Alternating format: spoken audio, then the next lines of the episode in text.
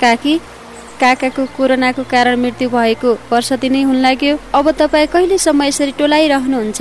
हेर न नानी तिम्रो काकाको फोटो हेर्छु। बस।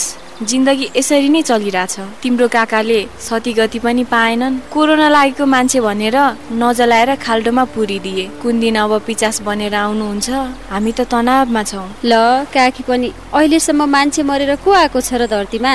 तपाईँले सुन्नुभयो होला नि हाम्रै देशमा पनि भूकम्पका कारण कति मानिसहरूको मृत्यु भयो। कोही कतै च्यापिए सबैको सब नै मिलेन। कति मान्छे नदीमा बगेर कति युद्धमा मर्छन्। कोही पिचास भएर आउँदैनन्। तसर्थ यस्ता कुरामा मानसिक तनाव लिन हुन्न काकी यस्तो दुःखका बेलामा हामीलाई सही सल्लाह सुझाव र सान्त्वना समेत दिएकोमा धन्यवाद नानी।